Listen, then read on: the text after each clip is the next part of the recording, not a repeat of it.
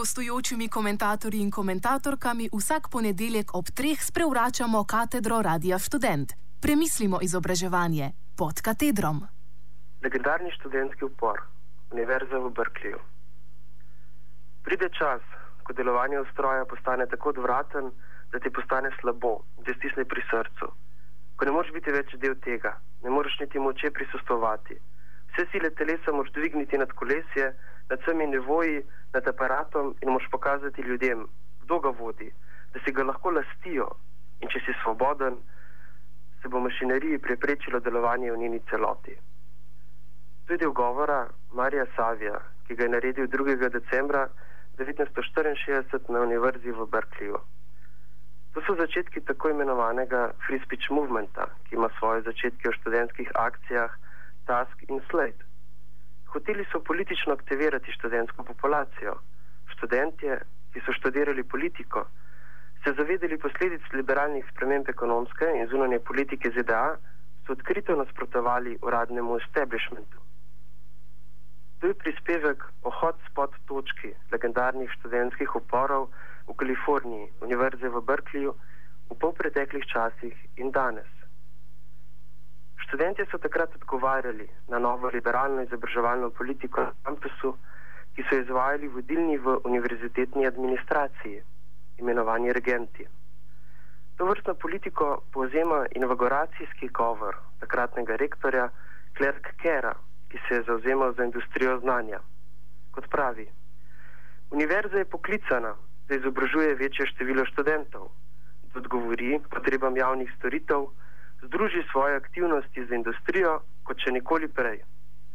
Karakteristika te transformacije je rast industrije znanja, ki bo trajno spremenila vlade in podjetništvo. Več in več ljudi bo pridobilo više ravne veščin in znanja. Produkcija, distribucija in konzumacija industrije znanja predstavlja 29 odstotkov bruto domačega proizvoda in industrija znanja je zrastla za dvakrat od ostalih ekonomskih aktivnosti. Kar so železnice naredili v drugi polovici 19. stoletja, avtomobilistična industrija v prvi polovici 20. stoletja, bo za drugo polovico naredila industrija znanja. To je služiti kot ključna točka za nacionalno rast. Spremenjeni programi so bili liberalna paradigma visokošolstva za potrebe gospodarstva. Univerza v Berkeleyju je javna univerza. V 50. in 60. letih je upravljala večino raziskav za večje korporacije in vojaške storitve. Zato se je tudi študentski aktivizem znašel pod hitro nacionalno represijo. To je bil čas, ko se je začela operacija Abolicija, kjer je takratna ameriška oblast kakršnokoli politično aktivnost prikazovala kot pretvezo politične komunistične zarote. Komite za neameriško aktivnost je vsakega, ki je samo nakazoval neameriškost, označil za komunista, socialista in ga sodno preganjal. Študente, ki so šele vstopili v čas študija in študirali naprimer amantmaje in pravo, so se zauzemali za njihovo uveljavitev, to se pravi naprimer svoboda govora, državljanskih svoboščin, enakost pred zakonom. To so hoteli najprej uveljaviti na univerzi zaradi vedno večje politične represije so bili proti merkantilizmu, ameriškemu imperializmu in proti rasistični zakonodaji. Da pa bi le prikazali, da niso proti svoji državi, ampak jo hočejo le spremeniti, so pred komitejem za neameriško aktivnost zapeli tudi himno. A za regente in politiko takšen patriotizem ni bil spremljiv.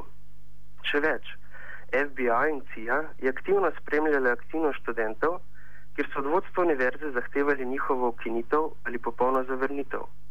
Tudi kasneje je predsednik Reagan, ki je začel z neoliberalnim pohodom, je v svoji kampanji za predsednika označil študente, da so vedensko neameriški. Osebno je zahteval od vodstva, da zatre kakršnokoli politično aktivnost in združevanje študentskih organizacij. Pred nekaj tedni je nekaj aktivistov v kampusu na Berkeleyju skredo na tla napisalo: Osvobodite Berit Brauna, univerza, oddelek za domačinsko varnost, pokaže osebni dokument in nekaj drugih. Uniformirani policisti so takoj pristopili do aktivista in zahtevali osebni dokument. Spraševal je, ali je pisanje skredo ilegalno ali mogoče kaznivo. Povedali so mu, kakor so ga opozorili tudi mimo hodeči študentje, da to vsekakor ni normalno. Policisti so bili v zadregi, ker niso našli eksplicitne direktive, da pisanje skreda ni dovoljeno. Šele iz univerzitetne administracije so priskrbeli tekste, kjer so nekatere informacije, ki aplicirajo, da gre za kršitev javne podobe. Aktivistu grozi kazen zaradi kršanja predpisov in plačilo stroškov očiščenja. Čeprav je aktivist vprašal, če ne bo napisal skredo, očistilo vreme, mu je policistka odgovorila, da se s tem ne strinjajo v administraciji. Na prvi pogled mogoče absurden dogodek, ampak v zgodovinski primerjavi pa pravzaprav ne. Trenutna rektorica Janet Napolitano, ameriška političarka, pravnica, članica Obamove demokratske stranke in prva ženska, ki je služila v oddelku za domačinsko varnost več kot kompetentna za legalno normalizacijo nekaj aktivistov, ki so pisali skredo. Prevzela je univerzo, ki se rada pohvali, da je ena od vodilnih akademskih institucij na svetu. Za razliko od privatnih univerz se financira od državnih institucij in podobnih organizacij. Zaradi pomankanja finančnih sredstev se zato v obliki partnerstva financirajo tudi od investicij blizu Wall Streeta. Narodno pri teh investicijah, ki hočejo pomagati visokošolstvu in večji gospodarski rasti, je, da še vedno ustvarjajo finančne dolg univerze. Primerjava z dogodki v 60 in danes je, da se takrat študentsko aktivnost kriminalizirali in jih represivno hoteli zatreti. Danes pa se v čisti obliki neoliberalizma aktivnosti, pa če tudi gre za pisanje skredo, normalizira. Kot je razložila policistka, ne gre za to, da bi vreme počistilo napise, ki škodujejo univerzi, ampak da teh napisov ali njihovo čiščenje ni izbrala administracija. Zato bodo postopki. Študenti in univerzi, ki tudi sami povedo, da, morajo, da se morajo obnašati normalno in v skladu s predpisi vedenja uprave. Zato skrbijo različni varnostni ukrepi, od kamer, uniformiranih policistov in pravnikov. To vrstno discipliniranje v delih družbe je opisal Mišel Foucault v knjigi Nadzorovanje in kaznovanje. Hierarhija in normalizirana obsodba je ključen del k sistemski disciplini. Posamezniki se morajo podrediti idealni normi, naprimer vojaka, zapornika ali tovarniškega delavca. Če tudi gre za pisanje skredo, je to odmik od idealne forme študenta.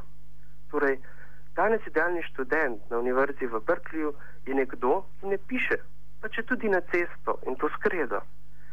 Mogoče pa se motim, ker je Fokole pisal o zaporih in ne o visokošolskem izobraževanju. Administracija sama izbira, ker tako hoče svojo organiziranost produkcije v obliki, da bo zagotavljalo visoko mesto na lesticah. Tako bodo lahko finančnim institucijam opravičevali svojo vrednost, pardon, kvaliteto, kako se to reče v športnem žargonu, nekomu, ki je visoko na stavnih lesticah kreda, pisanje in svoboda govora, danes za univerzo to ni več normalno. Komentar sem pripravil Miha Novak. you